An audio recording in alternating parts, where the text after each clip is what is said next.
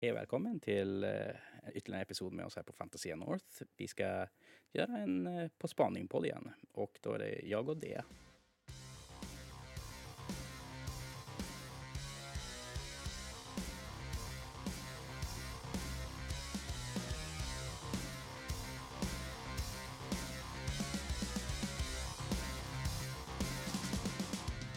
Ja, men du, det, det börjar bli ett tag sedan vi hade en På spaning-podd nu. Det var ju typ så här julafton eller något i den stilen. Det här är ju första för i år. Förra gången var ju en, en årskrönika. Nu har vi fyra veckor av eh, fortsatt ganska intensivt hobbyande och nyhetssläpp och saker som händer ute i våran lilla isolerade hobbyvärld.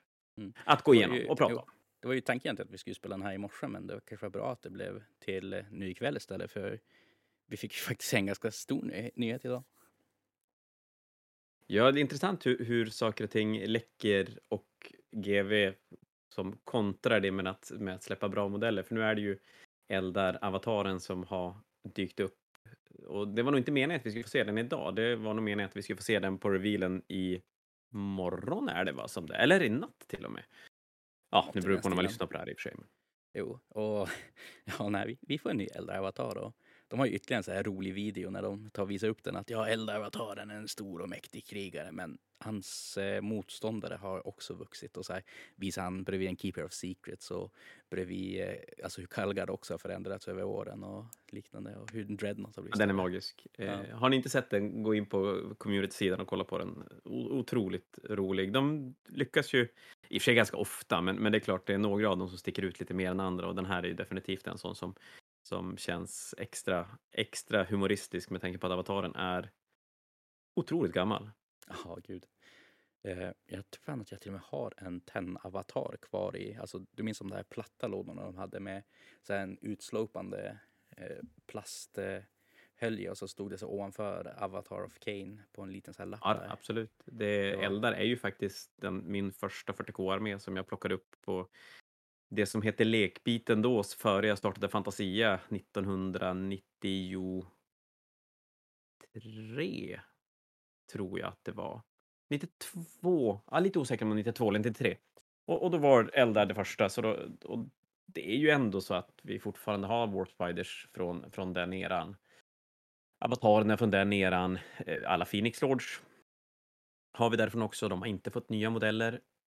Ja, det, det, det är väl både ett, ett sunt tecken för hur otroligt väl designad Eldar-figurerna har varit genom åren.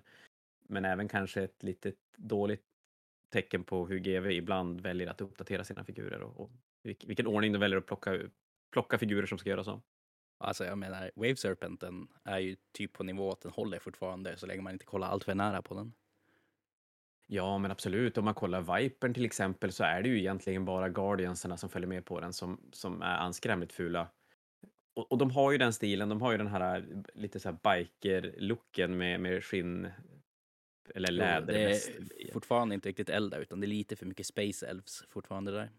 Ja, ja men exakt. Och de, de matchar ju en del de metallfigurer som fanns jämte Eldar Guardians i plast back in the days. Och, då var det ju lite sådär MC, knutte, alver. Eh, Jag vet inte om de hade sett på skotsen och var lite avundsjuka eller hur det, hur det kom sig. Men därifrån är ju Warp Spiders och Avataren och, och det är ju fortfarande... Alltså Avataren är ju en... Det är ju ingen bra modell nu, men eh, den är ju inte t- 35 och 30 år gammal ful. Nej, man kan verkligen säga inte. Nej, nya avataren. Alltså det finns mycket bra saker man kan säga där, men också ganska saker som jag stör mig på faktiskt. Det... Har GV glömt bort hur man gör eld, bland annat? Den känns, känns så himla som platt och kantig på något vis. Kanske. Och, men det, Jag vet inte. Ja. Och så, så jag vet att det ska vara The Bloody Handed God, men eh, måste man göra typ så här slime-tjocka bloddroppar som hänger ner från armen? Det, jag hoppas innerligt att det finns en alternativ bit istället för alltså det där blodet som kommer på handen. Det har ju visats bilder på ett annat huvud i alla fall och så sen ja, två andra får huvuden. han väl sitt spjut också. Två, ja, men det är det, ja, precis. Jo, ett alltså hjälmlöst huvud som är bara en stor brinnande alv och sen så får han en yxa också. Så yxa, spjut eller svärd. Ja, jag tycker den är skitcool. Jag tycker den är riktigt, riktigt, riktigt cool. Nu har jag en sweet spot för, för eldar. Så mycket av det som kommer nu tycker jag bara är, är otroligt, otroligt bra. Även om internet bitvis gör sig ganska roligt över, över Dark Reapers hjälmar och eh, Guardians Jo. underklädsrustning eller vad man nu ska kalla det. Ja, det... Man kan kanske störa sig lite grann på det, men eh, det som... Det syns ju att GW, att... Eh, du minns den här som också kom från Forge World, alltså den avataren. Att eh, Mm. det är ju verkligen så här, som samma stil på när de har gjort det, men de har verkligen som uppgraderat plasten från den där resinvarianten. Och det som också är roligt är att innan vi såg den här på Forge World, så första gången vi såg den här modellen av en avatar, det var ju Dawn of War 2. Ja, men det kan jag tänka mig. Det... Men sen är ju de mesta eldar grejerna som kommer nu egentligen de mesta eldar som har kommit efter de dök upp i Second Edition 40K är ju väldigt likt den designen som sattes då. Det har ju inte hänt något jättemycket, ingenting. Jag kan inte komma på någonting till Elda Rangen som har kommit och man bara wow, vad fan är det där för någonting? Det där var nytt. Utan jag menar Guardians som kommer nu så ja, de är ju li likadana som de gamla. Howling Berseasen i plasten är ju väldigt, väldigt snarlik de gamla. Jane Saar är ju en, en ny version av den gamla. Och så är det ju långt ifrån till alla arméer som, som kommer. Till och med, ja det är väl kanske Space Marines som, som kan göra samma sak. Ja, Där, där man ser... Hellbrecht är ju Hellbrecht. Ja, ja men exakt. Och en Dreadnought, även Redemptor Dreadnoughten ser man ju väldigt mycket kvarlevor av från, från den gamla Dreadnoughten. Även om jag tycker att de har fått en, en större förändring i, i, det, i det faktum att de har fått en massa flygande stridsvagnar och grejer som, som jag tycker är längre från en, en grunddesign än vad Eldar-grejerna är. Även om man kollar de här Eldar Ranger Jetbikesen som ska komma nu. Jag menar, de Rangerserna är ju väldigt, väldigt i grund samma design som de Rangers som vi har haft sedan tidigare, som, som är som grunden ur, ur eldar. Jo, det är väl de som är de här som alltså dubbel, eh, alltså jetbiken som eh, jag för mig Harley Quinns också har. Ja, men precis. Och, och, och Jetbiken också, den, den, den är ju ny och fräsch, men det är ju väldigt lätt att se vart den kommer ifrån om man tittar på den gamla Jetbiken från tidigt 90-tal. Och som du sa, Wave Serpenten, eller ja, om vi skippar Wave Serpenten, för den är ju lite nyare, men om vi tar Falconen är ju ännu äldre. Och, och som du säger, bortsett från att den är ganska detaljlös, Mm. Det finns inga Så- vassa kanter på den bland annat. Nej, nej, det gör ju inte det och, och det saknas ju ganska mycket. Eller ja, alla ytor är ju helt släta. Det, det finns ju inga grejer på ytorna och det hade det ju varit om det hade kommit idag. Men själva grunddesignen är ju är ju skitbra och nej, det, det, det är ju kul om man har, om, jag tror att gillar man eldar sedan tidigare så känns det som att allt som kommer nu bör man ju tycka om. Det är väl värre för dem som inte riktigt har gillat det gamla och så kommer det nytt och det är som samma sak. Mm. Nej, men alltså allt som jag har sett är ganska coolt. Det finns ju vissa saker som jag förstår att folk stör sig på. och Det, det, det får man göra, men jag kommer ju gå sönder när de väl släpper Maugan Ra. Vi har ju sett så lite små teasers på honom. Mm. Därför det verkar ju kunna Och sen är det ju så att alla har ju rätt att ha fel också, så att det är klart att alla får tycka, Mm. tycka vad man vill. det är det ju inget snack om. Nej. Men den här 40K-rangen, den... I år blir året då 40K blir som komplett, skulle jag säga. Mm. För att nu kommer Eldar med till stor del nya modeller och sen ska Chaos också få. Ja, Och då har de ju som vi uppdaterat alla. Deathcore också, va?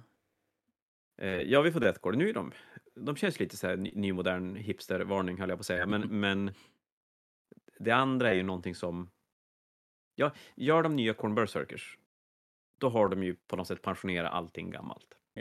De har redan gjort nya Corn Berserkers typ så åtta gånger, men inte kallat dem Corn Berserkers. Det är sant. Oftast med för lite picker också och, och mer yxor och skit. Mm. Ja, nej, inte lätt. Eh, vad mer har kommit som vi kan prata om? Vi ska ta och inte hålla på allt för mycket med eldar. Ja, det som har hänt sen vi pratade senast är ju att vi har fått Custode-boken och Kultboken. Nu var väl det, ja, de hade ju som nästan funnits förra gången vi pratade också, men nu finns de där och vi har fått, vi har fått läsa dem, vi har fått speltesta en del. Och jag måste väl säga att det känns som att GV fortsätter släppa stabila kodexar till 40K. Kulten är lite svårare. Den, den, den är nog ruskigt lurig att spela, så jag tror det kommer ta ett tag innan det landar på vart den är. Nu är det väl snack om att den kanske är inte riktigt tillräckligt vass för att konkurrera och att den är lite, den gör sina tricks, men när de tricksen är lästa då, då har den inte så mycket mer. Custodes däremot verkar väldigt stabil och, Mm. och tror jag definitivt kommer kunna göra avtryck. Jo, och eh, jag, jag har ju också läst den nya Kustodboken till skillnad från den förra. Och det är ju verkligen natt och dag på vad man kan göra med boken. Alltså hur de olika stanserna fungerar. Och Subfaction spelar mycket mer roll nu än det man bara fick i... Är det Fabius Bile-boken, War of the Spider, som man fick nya Custodes-regler? För mig. Eh, ja, det är Mm. det. Det var senast de fick någonting nytt att leka med. Och eh, ja, alltså som sagt, det kommer det bli Custodes Forge stuff på Fnatic. Ja, det blir det. Det blir inte bara Custodes Fortworld-stuff, det blir Fortworld-stuff eh, rakt igenom. Så det blir faktiskt första gången vi släpper Fortworld, eller tillåter Fortworld på Fanatiken. Jag sitter och plitar med regelhäfte för fullt, så att det lär dyka upp förhoppningsvis tidigt nästa vecka. Nu är det ju inte jättemycket konstiga saker, men, men det är väl egentligen det att, att vi, vi kommer att tillåta Fortworld. Ja, jag kan tycka exakt vad jag vill om det, men, men eh, ibland så får man helt enkelt följa strömmen. Jo, det verkar Och som att det lämna har blivit mer och mer standard nu över åren också att man spelar det. Och jag menar just Custodes ska jag känna är lite... De behöver Forgeworld för att vara en komplett armé. För annars så har du typ så här, alltså, tre olika smaker av guldiga gossar med The Guardian Spears. Med alltså, Ja. Forgeworld så får du tanks och du får jumpack-snubbar, du får flyers, du får eh, snubbar med bolters och lite allt möjligt. Och det, jag stör mig väl egentligen mest på att jag tycker ju att det borde GW lösa själv. In, inte genom Fortföljd. Jag, jag tycker att Fortföljd... Nu, nu kan man alltid argumentera till att hobbyn har, har flyttat i, i, i åldersspannet så långt att det här med att det blir inte lika tillgängligt för alla, konceptet är inte aktuellt längre som det kanske var för 10-15 år sedan. Men jag tycker fortfarande att det blir inte lika tillgängligt för alla. Det, det blir svårare. Det, det går inte att komma ifrån att det... Nej. Och det finns som en konstig rift mellan alltså GV och Fordwell som jag inte ens förstår varför den finns längre. Jag menar, typ att Custodes kom först till GV i plast, men sen så kommer resten av rangen i stort sett ut på Fordwell. Det var som en så här, som nästan konstig disconnect där någonstans. Och jag menar, det finns ju ingenting Forgeworld producerar som inte är typ, ja, men typ Konstantin Valdor kanske skulle vara svår att göra lika detaljrik i plast. Men alla tanks, alla flyers, alla jump pack, alla snubbar med eh, de här skumma fosfex Heavy bolters eller vad fan det är. Det hade ju faktiskt lika gärna kunnat bli producerat i plast. Ja men absolut, och även väl, väl detaljerade resinmodeller. I värsta fall så får de designa om lite, lite grejer för att den ska passa i en plastgjutning. Men, nej men exakt, det, det finns och, och det är så märkligt för att de kan släppa då Bloodbolag ti- tio stycken på ett år och de kan släppa en, en eh, Lumineth Range som innehåller hur mycket plast som helst. Men några, och det är så här några få utvalda. Jag menar Harlequins har ju skitlite grejer att välja på, men de har ju inte en massa Fortful-grejer att fylla på med. Utan det är som Custodes... Och, och det, nej, men då, jag håller med att, att det, det synkar som dåligt och som tyrannidspelare så är det ju ganska på tapeten med, med Forgeworld. De har ju ett, ett monster från Forgeworld-sidan som spelar, spelas i alla tyrannidarméer. Rakt igenom om du på något sätt ska vara kompetitiv. Men då känns det här argumentet att jag vill spela med Forgeworld för det är så himla coola modeller. Det är ju egentligen bara skitsnack. För det du vill ju spela Forgeworld för att du vill ha de bra reglerna. Du vill ha de snygga, snygga, snygga reglerna, inte de snygga figurerna. Och jag menar att som, ja, vi- går tillbaka till Tyrannider, de har en, en bok med, ja vad kan Tyrannidboken ha? Har de 30 choices i, i listan kanske? Rent matchplaymässigt så är 10 enheter med och, och i diskussionen om att få spela. Men däremot av de handfull Forgeworld-grejer de har så är det definitivt en sådär ett måste att spela med för att, för att tyranniderna som ska ta det där sista steget och kunna konkurrera med, med Drukari och, och och Grey Knights och, och vad det nu kan vara för någonting. Ja, nej men eh, det köper jag definitivt. Um, det är också en sak som jag alltid, det här är ju inte har med riktigt regler och saker utan det är lite mer på Custodes och hela deras range och grejer. Det är ju när man kollar på dem att eh, här har vi de här stora riddarna som alla är. Alltså det är lite of the elite of the elite. Men eh, typ så här, en av tio blir vald till att köra den där glorifierade landspeeden istället för slåss glorious med ett Guardian Spear. Det, det håller kanske inte lika bra när man, när man ska trycka in deras så originalfluff i sig. Nej, jag tycker nog faktiskt att som armé på brädet så spelar de mer korrekt fluffmässigt utan Forceful-grejerna. Mm.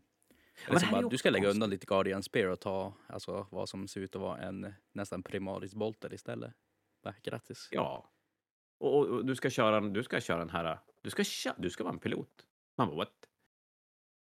Det här är ju faktiskt jättekonstigt, har jag inte ens tänkt på, men konsolspelare är väl kanske de som skriker högst efter att få spela med Fortsold-grejer med, med argumentet att min range är så liten så att om jag inte får Fortsold då får jag ingenting att spela med.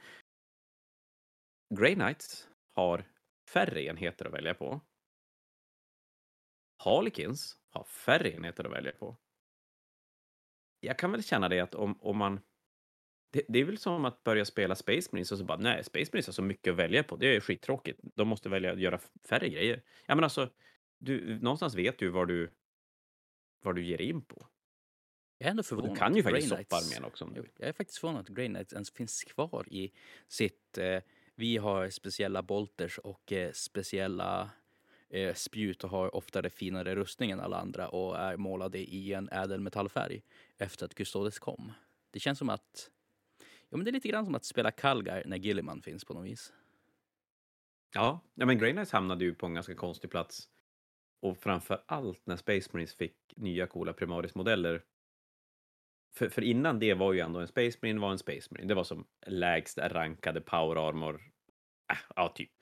Och sen kom Grey Knightsen med, med lite pimpigare rustningar och sen kom Custodes med the bling of the bling. Och sen kom Primarisarna och då stack ju de som förbi Grey Knightsen, inte förbi Custodes. Men det är ju fortfarande att Grey Knightsen är så här ett tredjehands Space Marines på något Ja, konstigt definitivt. sätt. Och som där- sagt, eh, när man tänker tillbaka när man spelade så fick man ju som samma vibbar av Grey Knights i femte och sjätte editionen som man får av Custodes för nu. Skit elitsnubbar som slår med jättebra AP men är superdyra och gillar inte att saker har alltså verktyg för att ta ihjäl dem. Jag kollar du tillbaka, om man, om man backar 40K-bandet till mitten på 90-talet, då kunde du spela, du kunde spela fem Grey Knights. Jag tror att det var, jo men det var, du kunde spela fem Grey Knight Terminators, du kunde spela en unit Terminators som inallierat i din imperiearmé. Det var ju all, att spela Custodes, så att, att man skulle spela Custodes på, på spelfältet med faktiska figurer, det var ju precis lika otänkbart som att man skulle få ställa en primark på brädet. Det var ju, helt orimligt. Och sen kommer Grey Knightsen, att de skulle komma på, som en armé förr eller senare, det, det var väl alltid någonting man pratade om att jo, men Grey Knights kom, kommer komma eftersom de redan hade ett, ett, ett avtryck i, i alltså spel 40K, inte, inte då lore 40K. Eh, men, men Custodes, nej, det tycker jag inte alls man pratar om att det skulle på något sätt dyka upp. Eh, sen att de kommer som armé, det tycker jag inte känns så konstigt nu när man har fått primarker och grejer. Men som du säger att Grey Knightsen skulle ju behöva hitta en... Eller om, om ja, någon av dem skulle behöva hitta en mer egen spot i 40K-låren, eller, eller på, på spelfältet.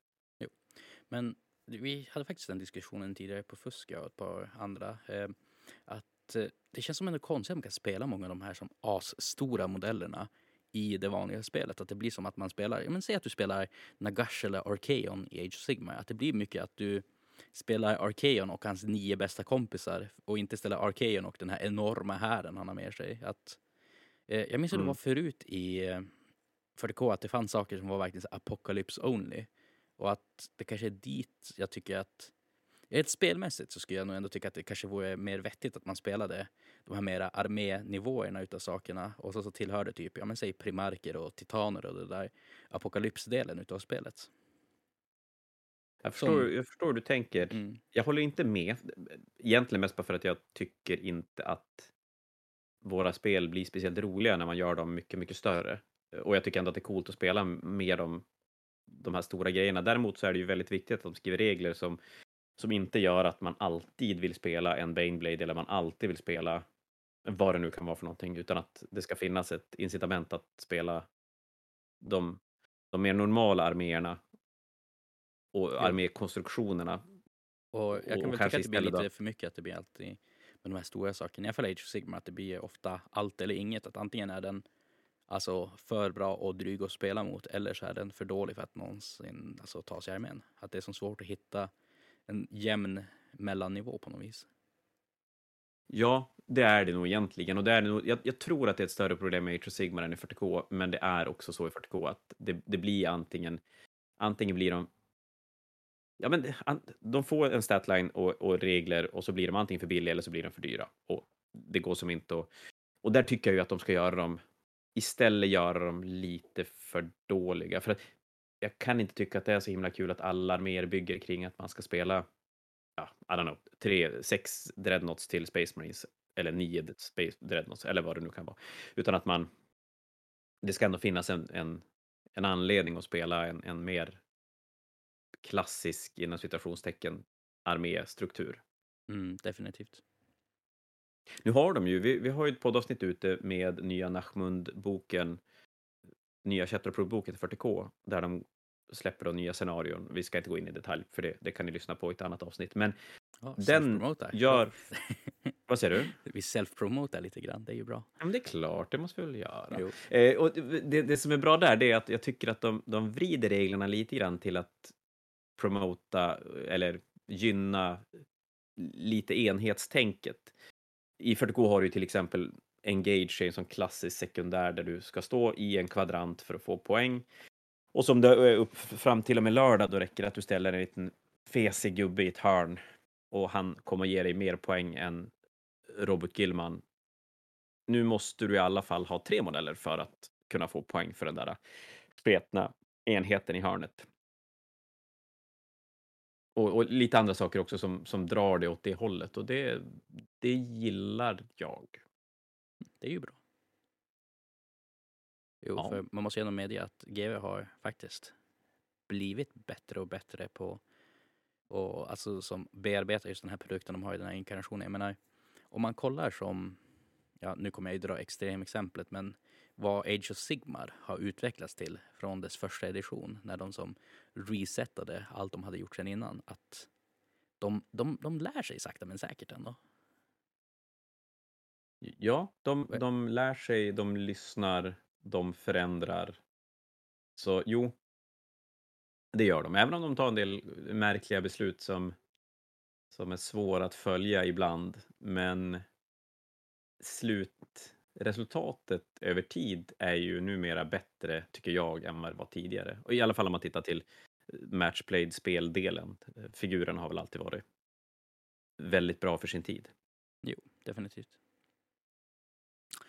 Ja, nej men där tog jag också fick plugga in Nachmund och vad som har kommit till det och att man ska få kolla på, på den podden ifall man tyckte det var spännande. Men ehm, ja, jag känner mig lite out of the loop annars på faktiskt vad som har kommit i år om jag ska vara helt ärlig.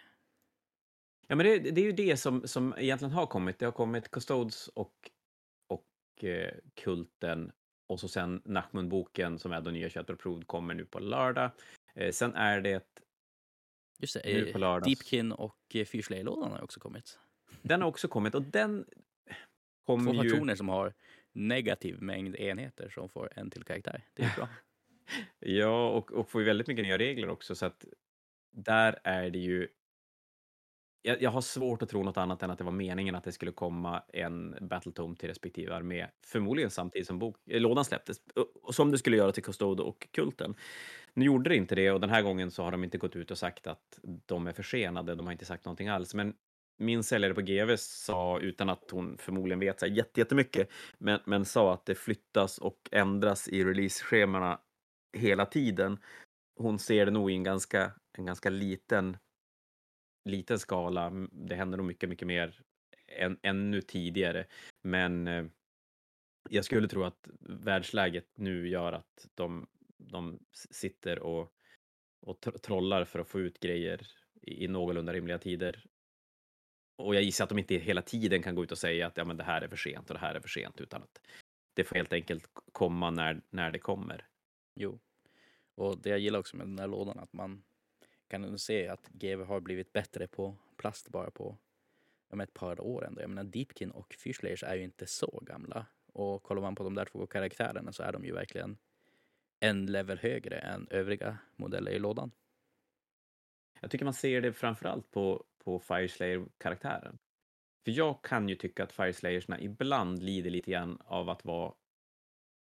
Nu, nu kanske det är en design, designgrej snarare än, än att vi har gjort en alltså rent detaljmässigt dåligt, men, men alltså att de är lite klumpiga på något sätt. Mm.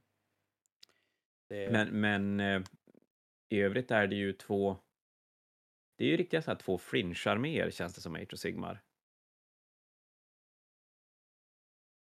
Så spännande att se hur de, för, för rent säljmässigt så kan jag ju ärligt säga att den lådan har ju inte gjort några superavtryck när den släpptes. Nej, men det ska bli kul att se. samtidigt för att det ska funka. Ja, jag vet, det tror jag också. Det ska bli kul att se hur de där två arméerna tas emot när det kommer en bok. Jag tror att Fireslayers är en armé som många skulle tycka var kul att, att kliva på. Eh, Idoneth är ju lite annorlunda. Jo. Jag känner att problemet jag har med Fyrslayers är exakt samma problem som jag har med Custodes. Custodes, ja nu innan Fortrold, var bara tre stycken smaker av guldiga gossar. Fyrslayers, det är tre olika varianter av små nakna män. Ja. Och det, de skulle behöva någonting till för att som fylla ut sin roster och bli lite mer spännande och dynamiska arméer att spela. För kollar man på Fyrslayers, alltså arméer mycket genom tiderna, det har ju verkligen varit att nu har vi dödsstjärnor och de går framåt. Och nej, jag vet inte.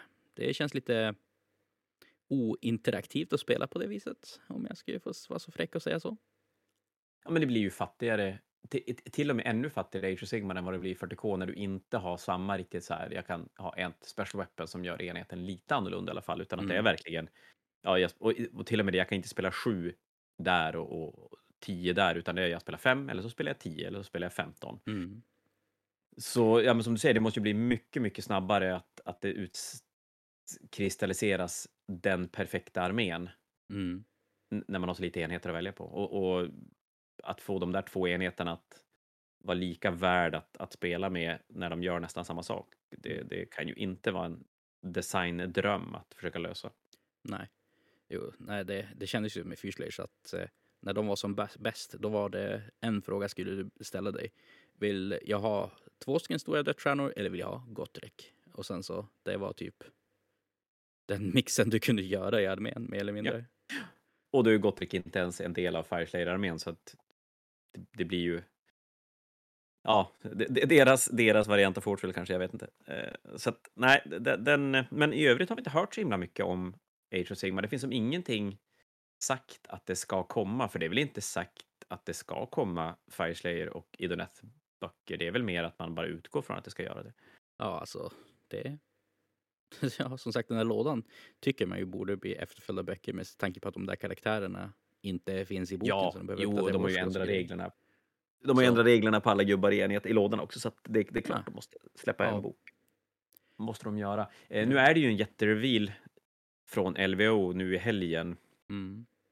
Och, och, då är ju frågan om, om i 40K så verkar de ju, där ligger de ju så otroligt långt före med, med revealsen.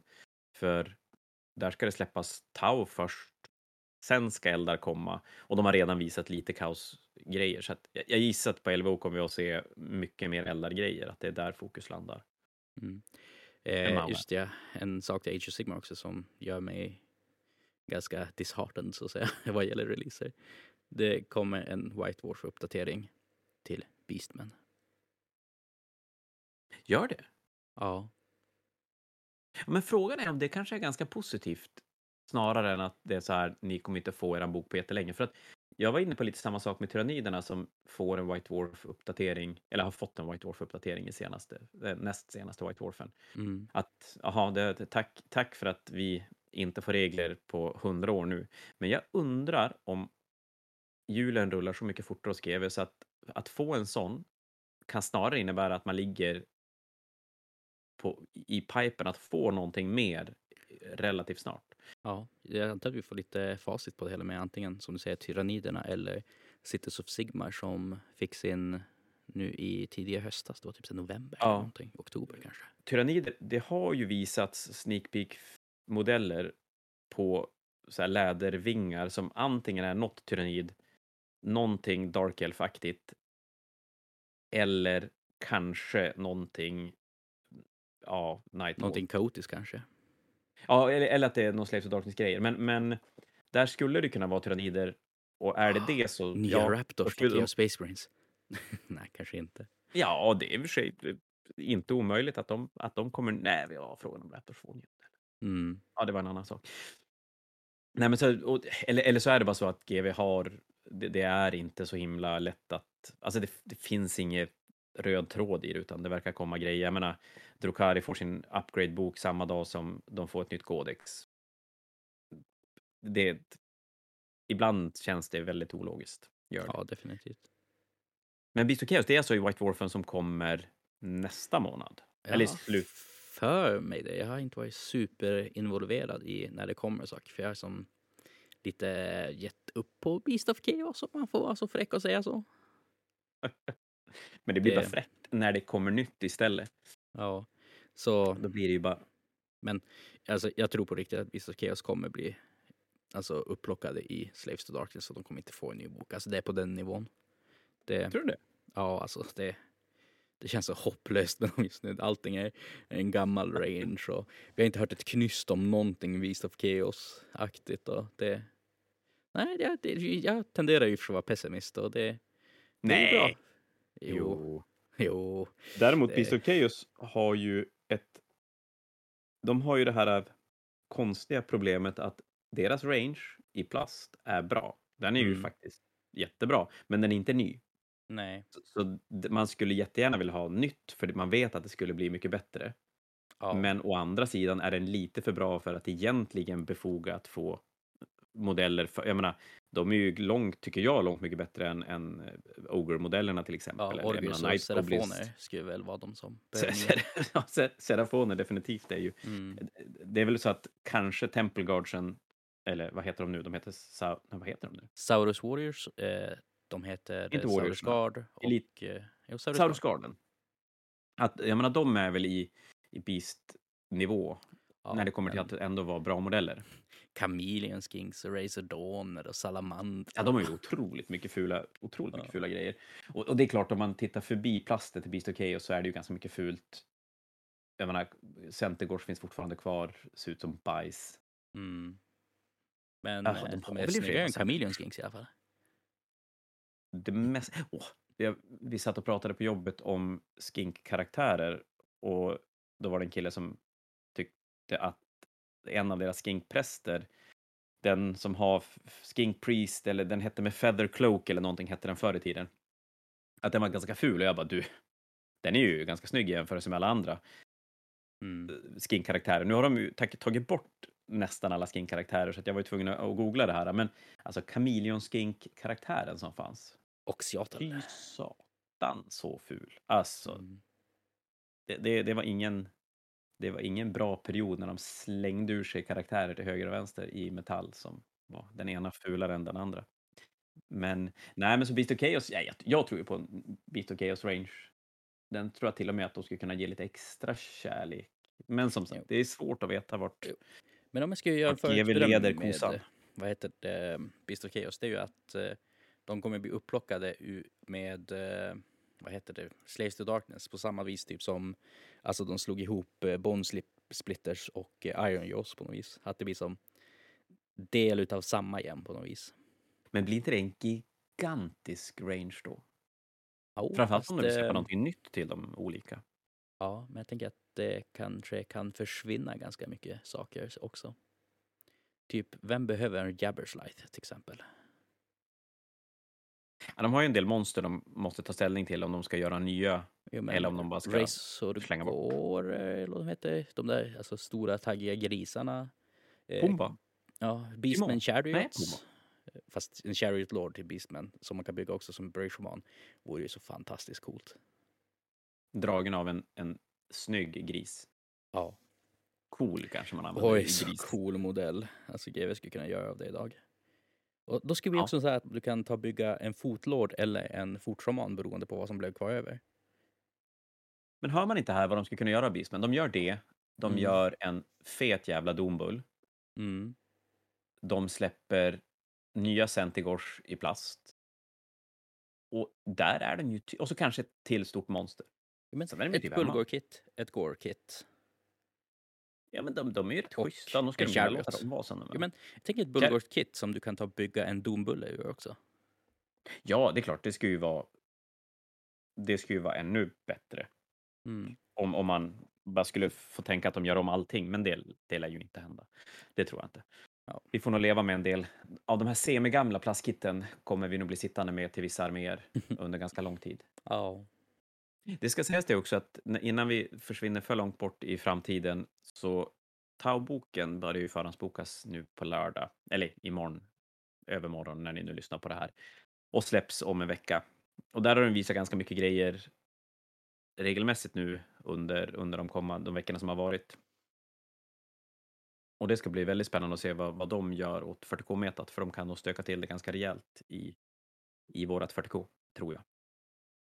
Jo, jag har som ingen koll, men mycket av det som de säger på internet är ju att eh, Storm Surgeon skjuter oändligt hårt och alla kommer superdö och Hammerheadens railgun är det mest brutna som finns i världen och de kommer få superspeciala regler som kommer döda allt och så. Det vanliga man läser på internet helt enkelt. Jag skulle säga Hammerhead är nästan värre än vanligt. Fan, jag tror inte någon modell har fått så många memes på så kort tid som Hammerheaden. Mm. Och så mycket salta tårar på Tyrannidforum som så här, åh, nu har vi äntligen fått 5 plus save och reduce damage på våra monster och så kommer Tau och gör 40 miljarder wounds. Mehehe. Ja, är det är intressant hur, hur man tittar på en ny regel, bakar in den i den gamla boken och bara det här är brutet. Men de får, de får en del coola, de, de får ett strategem som gör att deras Fire Warriors kan räknas som att deras picker är pistoler istället, så att de kan skjuta i närstrid, till exempel. Och, och krötterna får något strategem som gör att de kan heroic intervina som karaktärer och grejer. Så att, ja, det blir spännande att se. De, de verkar, förhoppningsvis kan de göra en, en sån där mobil mecka sotarmé och inte en jag står längst bak på baslinjen och, och skjuter skiten ur motståndaren. Mm. Nej, och just bitterheten mot Tau tror jag fortfarande hänger kvar ganska mycket från sjätte, sjunde editionens Tau alltså det var verkligen största noobstomp-armén och det är verkligen agget har hållit i sig sedan dess. Det är nog den armén som har det mest påtagligt. För som du säger, det, det hänger kvar. Jag vet inte fan när den ska försvinna, för nu har man ju varit dålig ganska länge, men fortfarande är det ju så här, har du spelat Tau? Kul. ja. Men kan det lite grann vara att det var typ i den eran som 40K började bli stort på internet och det var som så grundlagarna bildades på något vis? Ja, det, ja, det, du har någonting i där och, och de var bra på ett ganska tråkigt sätt, Mm. vilket gjorde att du hade sällan en rolig match när du spelade mot Tau när de var som bäst. Och de fick vara bra ganska länge på det sättet också, för det var ju under en period när GV inte gick in och ändrade på samma sätt som de gör nu. Mm. Nej, Och- och, och som du- en och som du säger och det- kommer se ut så här i typ tre, fyra år framåt. Ja, men exakt. Och det, det är tillräckligt nära för att, som du säger, att det ska ha fått sprids på internet. För det är klart, om vi backar ännu längre så är det ju en del helt sjukt brutna grejer som har passerat i 40K. Men det är ju så länge sedan så att det finns ju inga spår på internet om det. Och det finns ju en hel del gamla fantasy-grejer som också har varit så stört brutna. Men det är ju, fantasy finns ju inte kvar längre, så det är ju som inte relevant. Och Age of Sigmar har ju inte riktigt haft... Det man pratar om där, det är ju de här knasreglerna från början av Age of Sigmar-eran. Men man, ingen armé får ju den där agget som, som Tau har. Nej, verkligen inte. Ja, Det är nej, ganska kul att det kan vara så. För jag minns ju också innan, alltså där i femte, sjätte, det var ju som inte bara att man gick på Facebook och kunde hitta en Warhammer-grupp, utan du skulle söka till dig till de där typ så här, som att eh, folk hade egna bloggar och forum och grejer, snarare än att det var som någonting mainstream på internet, eller hur man nu ska kalla det. Ja, men Warseer var ju en grej. Det, det var ju som... Nej, men som du säger, du, du. Ja, du fick ju inte informationen slängd till dig. Du letade ju upp informationen. nu är du... Alltså, har du tillräckligt många kompisar som spelar figurspel så kommer ju de här figurspelsgrejerna att poppa upp i ditt flöde nästan vart du än hänger. Mm. Så jo, fel och brister nu kommer ju att hänga kvar mycket längre än vad det, vad det gjorde då. Och Tau är som du säger, det är nog de som får lida värst av det än ett tag. Mm. För evigt kanske till och med. Kanske för evigt.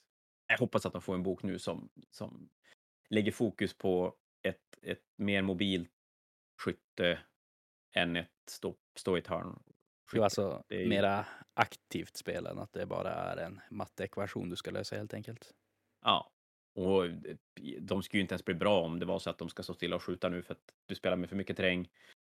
Och, och spelet kräver för mycket rörlighet för att plocka poäng. Att, så att stå längst bak och skjuta. Du, du kommer att kunna wipa motståndarna, du kommer på sin höjd kunna småvinna, men du kommer ha väldigt svårt att vinna mycket. Mm. Kanske funkar i ett win-loss. Äh, fan, jag fick in ett win-loss i det här avsnittet också.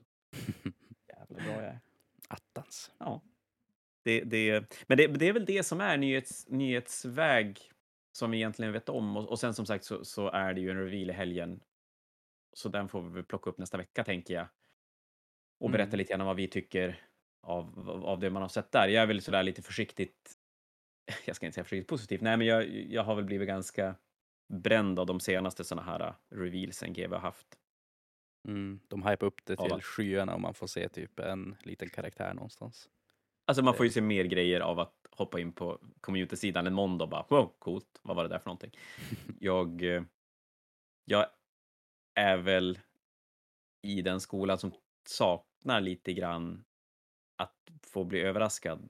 Nu känns det som att de smyger på saker så att när man väl faktiskt får ses, då, då blir man som, jaha, vad är nästa grej? Vad är nästa grej? Och när, när boken kommer så där är man redan och, och tittar på nästa. Men, men så funkar väl i och för sig kanske världen överhuvudtaget nu för tiden. Ja, typ så. Men det slog mig, för det var ju sjukt mycket pepp och hype inför Wheel of Time. Mm. Men sen när de väl släppte Wheel of Time, då har man inte hört så mycket alls om det. För den var rejält jävla dålig. Ugh. Men den var ganska bra i början. Ja, alltså, Den var det, ganska bra i när början. man kollar tillbaka på det i början, alltså, det, det, det, alltså nu, nu är jag ju jättestort Wheel of Time-fan från böckerna och det kan jag inte säga annat om. Men det, det är mer så att det, det är lättare för mig att räkna upp de sakerna jag gillade om den serien än de dåliga grejerna. Och det, nej. Fy fasen vad besviken jag är på den serien. Ja, men första, jag, jag tycker att jag så, jag har ganska ny sett färdigt den och från början var jag bara så här, det här är ju bara svinbra. Så jävla coolt och det var snyggt och Trollock-fighten i början, alltså nej men det var, bara, det var bara jävligt coolt. Men ju längre in i serien jag kom, ju mer bleknar ju åttonde säsongen Game of Thrones i jämförelse med hur första säsongen Wheel of Time utvecklar sig från att, Mm. tycker jag, var, var bra till att bli Nej, Sen så, den, Nej. den försökte ju vara Game of Thrones. Och inklusive att de har sin stora, tuffaste strid under hela säsongen i totalt mörker så man ser inte ett skit. Det, det ja nej. Och så sen, den lider ju faktiskt, tycker jag, ännu mer i filmform än i bokform av att han har kopierat Sagan om ringen något så fruktansvärt mycket. Alltså det är, det är ju ingen hejd på vilka, vilka och det, jag kan tänka mig att i bokform, för nu är det så länge sedan jag läste böckerna, så att jag kommer faktiskt inte ihåg någonting alls. Jag, läste, jag har läst dem en gång, eller jag har läst de fem första en gång, 1992 och framåt. Så att jag kommer inte ihåg någonting alls, men då, i, i bokform kan jag tänka mig att han kommer undan mer med Sagan om ringen-referenserna, men i serieformat så blev det väldigt, väldigt uppenbart Jo, med. Grejen är att den, den är ju mycket mindre lik Sagan om ringen också i boken. Det är som att när de har gjort serien är att de har försökt ta det som fungerar från andra fantasy-universum som har fungerat bra och bara trycka in det i Wheel of Time på något vis. Och nej, det, det tycker jag inte funkar så bra det heller. Sen har man ett coolt svärd som huvudperson. Mm. Antingen är man dålig på att slåss och så lär man sig att bli värsta badass ninja-killen. Mm. Eller så är man en badass ninja-kille med sitt svärd. Man går inte bara omkring och flashar med det. Nej, Jätteviktigt. det är som en sak i första boken när han ska gå omkring och han vet att han är urusel med svärdet och att det är så han får som sagt att som bygga på det hela och hålla på. Det är så mycket mer plott kring svärdet också. Och sen, Men det kanske är svårt. Det är ju fortfarande en 16 böcker lång bokserie så att det är kanske svårt att göra den i film, Jo. filmformat. men alltså den första boken i Wheel of Time är fantastiskt bra. Jag rekommenderar typ lyssna på ljudbok eller läs den och ta inte och kolla på serien innan ni har faktiskt läst boken för boken är rejält mycket bättre. Ja, Jag blev peppad på att läsa om den igen efter jag hade sett halva. Sen såg jag hela och så var jag inte så peppad längre på att läsa den. Men jag, jag har den på hyllan här uppe. Eller jag har två svenska som bildar en, en engelsk första bok. Så att Farornas väg och tidens ljud. Det Ja, är ändå jag tog på roligt att översatt så det. Men... Jag menar, den heter Sagan om drakens återkomst på svenska som är typ så här boktiteln på bok fem på engelska. Medan bok två på svenska är titeln för hela serien på engelska. Det är samma sak med Sagan det- om ringen. Va- varför gör de så? Det, jag Men det, det här är ju en 80-talsgrej. Jag menar, kolla James Bond, första James Bond-filmen är ju översatt så att de är tvungna att översätta typ 50 James Bond-filmer helt annorlunda, för den heter faktiskt det första gör på svenska och så blir det bara jättekonstigt. Mm. Vad är det, Dr. No är första, första James Bond-filmen på engelska, den heter väl Ja. Se rött på, på svenska gud. och så kommer en som ska heta Se rött och så blir det bara superkonstigt. Ja. Men, men det, var, det var det glada 80-talet som kanske spillde över på 90-talet när de ska översätta Wheel of Time. Mm. Eh, Jag tänkte att vi ska leda oss tillbaka till figurdelen lite grann. För att Ja. vi har ju även en, en, en hel del turneringar som kommer nu framöver till, till vårkanten. Och jag tänkte att vi skulle kanske fräscha upp minnet för våra lyssnare om Mm. vad, vad det är som kommer och även lite mer detaljer som vi har att, att prata om. Så kronologisk ordning eller storleksordning? Ja, men vi kanske, jag tror att kronologisk och storleksordning blir, passar in ganska bra i varandra om vi börjar med närmaste, för då är det väl eh, det första som, som jag skulle vilja gå... Vi, vi, I och för sig, vi ska spela en liten, liten 1000 poängs Atros Sigmar, eller 1200 poängs Atros Sigmar-turnering här i Umeå i slutet på januari. Mm. Det är kanske ingenting som vi behöver gå in jättemycket i förväg på. Det kanske är mer intressant att plocka upp i efterhand och prata om för alla som inte bor i Umeå och lyssnar på oss. Vi Men- kommer förmodligen streama den kan man väl ta och nämna på, över på Twitch för folk som vill se den. Ja, det, det, det tycker jag definitivt vi ska göra. Vi gjorde det från Winter Games ehm, och det är ju fantastiskt kul och det är någonting som vi har pratat om att göra mer och som vi kommer att göra mer. Vi kommer faktiskt att streama en 40K-match bara sådär uh, out of the blue på onsdag förmiddag. Mm. Ja, onsdag förmiddag den 2 februari. Så kommer det bli en match mellan Orker och Space Wolves på vår Twitch-kanal. Och den kommer sen också att läggas ut på, på vår Youtube-kanal för, för de som inte sitter och ser 40K-matcher en onsdag förmiddag mitt i veckan. Udda Men, men människor. att det kommer att finnas... Vad säger du? Udda människor. Ja, väldigt konstigt. Alltså som inte ser, tänker du? Mm. Ja, faktiskt. Men tillbaka till turneringar. Det som kommer först är väl det SM-kval som kommer att spelas runt om i Sverige i Age of Sigmar för ett kommande SM i just Age of Sigmar i Stockholm på Asylum Wargaming i, oj, början på maj? Slutet på april. Nu tappar jag datumet på när SM faktiskt är, men, men det kommer vi, kan vi komma till när det börjar närma sig. Mm. Men Anordnat Hur det funkar då, det är eh, Jesper Melander som vi brukar se på vår podd lite då och då.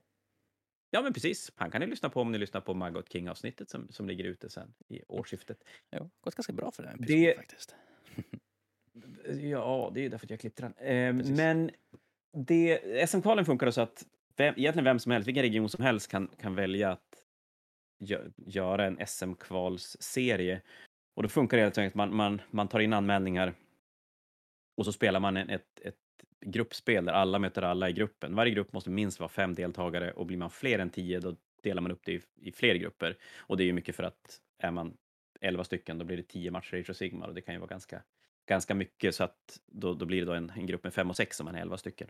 Eh, alla möter alla i gruppen. Man anmäler sig med en Battletome och sen inför varje match så får man bygga en ny lista med den Battletomen så att man får veta vilken, vilken Battletome motståndaren har och så sen har man 15 minuter på sig att bygga en armé innan matchen börjar. Mm. Eh, Vinnaren i varje grupp får en invite till SM Eh, som är helt fritt att, att tacka ja eller nej till och vet man att man inte vill åka då kan man helt enkelt passa den biljetten ett steg neråt i resultatlistan. Eh, vi kommer att köra igång vårt SM-kval i februari, den 21 februari och hålla på fram till den 17 april. Eh, så att bor ni i Umeå med omnejd, för nu går det ju faktiskt att vara med och spela den även om man inte bor i Umeå, för du skulle ju tekniskt sett kunna bokat upp en bunt matcher en dag och så komma hit och så bränna av ett gäng matcher på en gång. Mm. Men håll gärna koll med eran Age of Sigma community där ni bor och se om det kommer att hålla ett, ett SM-kval. Eller om ni kanske är pepp på, på att göra ett eget, en egen kvalgrupp så tycker jag definitivt ni ska göra det. Ett bra tillfälle för att spela Age of Sigmar, kanske mot folk man normalt inte, inte spelar mot. Och det behöver ju inte bli superpretentiöst för att det är ett SM-kval. Det, det Nej, räcker ju menar, det är spela matcher. Spela som spelar. Vissa kommer där bara för att de vill ha skoj att spela, så det, det är ett bra ställe. Ja, så, så det är väl det första. Eh, hur det ser ut i resten av Sverige vet jag inte. Jag vet att Stockholmregionen har kommit igång med sitt. Sen om de kommer hålla fler, det, det vågar jag inte svara på, utan det får ni kanske kolla mera i era lokala communities. Här i Umeå så, så finns det fortfarande möjlighet att anmäla sig. Eh, på fantasianorth.com finns mer information om, om SM-kvalet. Mm. Så det var väl det första. Eh, efter det så är det våran Fanatic, alltså den vanliga Fantasia Fanatic som är 2-3 april. Vilken Fanatic är det i ordningen nu igen? Det är nummer 41 faktiskt. Blir det. XL1. Ja, 41. Det var 40 förra gången. Det har ju blivit lite, kanske inte så pass mycket fokus kring numren som man hade velat på grund av coronan. Mm. Nu ser det väl, som det ser ut nu så ser det ju relativt positivt ut för att kunna hålla en, en Fnatic i april. Vi har satt den med 100 deltagare initialt med tanke på coronautvecklingen nu och sen får vi väl se, är det så att restriktioner släpper och att det, det lugnar ner sig när det börjar bli varmare ute, då, då släpper vi fler biljetter för vi har ju definitivt plats för, för fler deltagare. I övrigt, på 40K-sidan, regelhäftet på 40K-sidan är i det närmaste färdigt. Biljetterna är redan släppta, så ni hittar eventet på BCP'n om ni söker på Fnatic och biljetter finns att köpa på fantasianorth.com. Det finns absolut massor med biljetter kvar. Men som sagt, regelhäftet är på G, kommer nog under veckan, under nästa vecka. Och det är ju egentligen inga konstigheter. Vi spelar med nya Nachmund. Scenarierna, det, det tror jag alla fattar. Vi kommer att tillåta Forge World som för oss lokala Umeåbor, ni som inte har varit på Fanatiken och inte känner mig, eh, kanske inte, men det är en stor grej för det är onödigt stor grej är det. Men så att eh, det är väl bara att, att bygga demakroner så att ni kan spela era tyrannider. På Age of Sigma-sidan har jag lite sämre koll hur, men det är inte jättestora förändringar från, från höstens turnering, va, Henrik? Fanatiken, va? Nej, det kommer väl inte vara det. Det är väl... Det här kommer ju gälla kanske för både också säga, men det kommer kanske vara lite förändringar kring reglerna kring Best in Show och sånt där. Annars är det väl ganska lika skulle jag säga. Jag kommer ta i åtanke lite saker från eh, som folk har diskuterat och håller på, men jag, jag tycker vi kör vidare på att vi kommer köra ett eh, alltså 020 system istället för bara pure win-loss och ja, så håller vi oss till den varianten. Och 020-systemet passar ju väldigt bra in när man använder BCP-appen och registrerar resultat, att man får in tiebreaker och grejer i som själva, själva grundpoängen som man, som man rapporterar in. Det, det är väldigt smidigt faktiskt. Mm. Och Och, Vi tillåter Forge på 40K-sidan. Vi fortsätter med 20.0-systemet. Det är roligt med olika typer av turneringar runt om i Sverige nej, men som jag nämnde också kring Best in Show att det kommer förmodligen bli lite regeländringar där kring eh, vad man får faktiskt ta ställa upp, typ så här med display tray och liknande och att eh, om man vill vara med i Best in Show så ska man kanske också gå med på att man, det är vi anordnare som får flytta armén för att ställa i ordning den och fota och grejer sånt där. Vi har snackat lite grann om det och det kommer väl vara mera tydligt sen när vi väl släpper ett häfte kring det hela. Det är ju kul att kunna som, få lägga tillbaka den fokus på målning som, som någonstans fanatiken är ganska känd för. Eller är känd för, beroende på vilken sida man är av det. Men det är ändå kul att, att vi har både tillbaka målarpoängen så att det, det finns ett värde i att faktiskt lägga ner lite extra effort på, på din armé. Och som sagt, Best in Show blir en, en grej och vi kommer att jobba vidare med möjligheten att kanske ha en online-röstning och en on-site-röstning och lite sådär. Men som, som Henrik säger, det- det, kommer mer och det kan till och med vara så att en del av den informationen kommer att dyka upp eh, rent på Fanatiken. För, för en del saker kanske vi inte riktigt hinner spika innan. Men oavsett, eh, det är värt att lägga lite extra krut på sin armé, både för Best in Show, men även då att vi har ett Fnatic Champion-pris och ett första pris. Det första priset på Fanatic är den som har spelat ihop mest battle points, den som vinner själva speldelen. Och sen har vi Fnatic Champion-priset som är en hopslagning av målarpoängen som du samlar på dig, spelpoängen du samlar på dig och Fairplay-poängen beroende lite på hur Fairplayen läggs upp. Men hela den, hela den kakan blir då ett sätt att ta ut den som tar hem Fnatic Champion-priset. Eh, vi kommer ha in Kim som ska vara vår host igen för 40K-sidan Streams, som jag förstår det. Det är tanken, så att det kommer att streamas matcher därifrån igen på vår Twitch-kanal. Än en gång. Och sen kommer väl Asylum. Wargaming kanske vara den som tar och streamar Age of Sigma-sidan. Det, ja. Nu säger vi det utan att Jesper har, har godkänt det, men vi säger bara att ja, det, det som sagt, så. det fanns ett förmodligen där också någonstans, men det, det känns som att det beror på om man bryter benet eller om man inte gör det, tänker du? tänk om man bryter armen den här gången. Ja, men det är lättare. Ja, okej. Alltså, det är segt att bryta armen och spela sen. Man, man, det är väl så att man kanske inte mår så jävla bra då heller. Nej, så skillnad på att bryta armen och bryta armen också. Jag menar, är det ett benbrott eller har han bara fått en liten spiralfraktur i handleden så att Eh, säga? Det, det Jag finns ska många säga det för precis ska säga det för de som inte vet. Eller så, så Jesper, våran kära St- Stockholms Age of Sigmar-spelare som håller i Asylum Wargaming, lyckades med bragden att bryta benet på fredag kväll till Fanatiken så att han Mm. missade större delen av turneringen fast han var där mycket och lyckades spela ett par matcher. Mm. Oligen på lite smärtstillande, men, men eh, ja, det var, det var mäktigt. Var det. Mm. Men det om Fanatiken, som sagt, har ni inte anmäler, äh, anmält er så går det bra att gå in och göra. Vi finns på BCP där du, där du gör själva anmälan och biljetten köper du på fantasianorth.com. Eh, inga konstigheter. Har ni varit spelat tidigare så vet ni vad som gäller. Har ni inte gjort det så kommer regelhäftet att dyka upp om, om en vecka, då, säger vi. Och har ni några som helst funderingar så sträck ut er röst till oss på Fantasia så hjälper vi, och, hjälper vi till med det ni behöver hjälp med. Och, Men vi är ju inte... Ja, Ja, sist men inte minst tänkte jag säga. men precis. Vi är ju inte färdig med en Fantasia Fanatic, för vi tänkte ju avsluta våren, eller ja, det kanske har hunnit blivit sommar då, med The Grand Fanatic som, ja, men det ska väl bli turneringarnas turnering, har vi väl tänkt oss i alla fall. Sen, sen får vi se om det, om det är där vi landar redan första gången eller om det får bli ett, ett, ett längre jobb. Men Grand Fanatic den 4 och 5 juni i Bålsta, en halvtimme utanför Stockholm. Man får inte säga Stockholm, för det är inte Stockholm. Även om allting söder om Gävle är Stockholm. Mm, Precis. men så får man inte säga heller, va? Nej, Nej, det blir dålig stämning. Det tar jag tillbaka. Eh, men det är ju Bålsta. redan där ute. ja, en turnering i Bålsta helt enkelt. The Grand Fanatic. I Bålsta. En halvtimme utanför, utanför Stockholm ligger det The Grand Fanatic som blir en fyra manna lagturnering i Age of Sigmar och 40K. Eh, Vi jobbar för fullt med regler, men i mångt och mycket så blir det en 2000 poängs turnering. Men till, istället för att spela själv så spelar man i fyra manna lag där man spelar då fyra enskilda matcher i varje omgång och Mm. totala poängresultatet från de matcherna räknas ihop till turneringen. Eh, Och sen kommer det finnas lite regler för hur man parar sig inför varje omgång och hur man får blanda arméer i sitt lag. Det är ett fantastiskt fint konferenshotell vi ska hålla till på. Så att det kommer att bli en upplevelse bara, bara hela grejen att, att kunna bo på samma Ja, det är ju inte vi bortskämda med här uppe, att man kan bo på samma ställe som där man spelar. Vi kommer ha lite grej kring events på kvällen.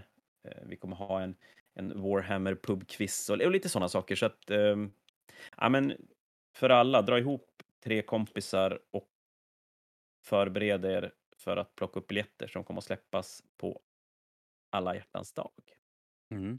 Men eh, det är om det är så att jag inte känner någon annan som spelar Warhammer. Är det någon möjlighet då att man ska ändå höra av sig i alla fall och se om det finns andra är som klart. likasinnande?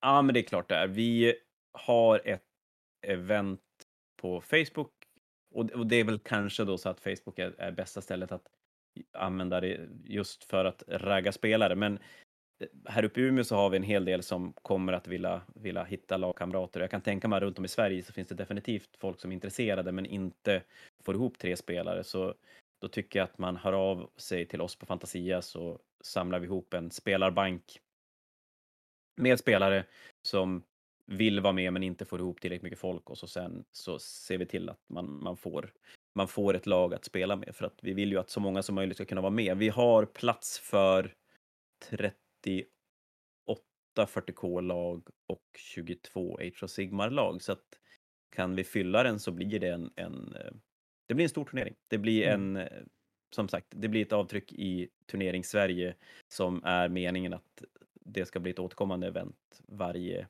nationaldagshelg. Eh, det känns som att vi har varit orutinerade nu och gör, släpper viktig information en timme in i podden. Så hoppas att ni har lyssnat så här länge långt. Och jag vet inte, det kanske känns som ett ganska bra ställe att sätta punkt för idag. Ja, men det tycker jag. Det, det man tar med sig på slutet är helt enkelt att eh, det kommer en bunt härliga turneringar. Så hem, hem, jag vet inte. Ni kanske sitter och målar redan. Fortsätt måla, bygger listor, förbereder för massa spel till våren. Så kommer vi tillbaka med fler sådana här och andra poddar allt eftersom. Mm. Så bygg det grisigaste, ostigaste man kan och sen så tar man och vinner det hela helt enkelt. Eller kom Eller bara och spela för sk- skojs skull. It's up. Eller hur? Eller hur? Det tycker jag definitivt. Ja, men du Henrik, då säger vi väl tack för ikväll och så sen på återseende och ni som lyssnar, ni kommer att få fler avsnitt i våran podd att lyssna på längre fram. Mm. Och bonuspengar om ni lyssnar så här långt. Godnatt. Natt. Eller Hej då. vad- vilken tid det är nu ni lyssnar på den här. Hej då. Hej då.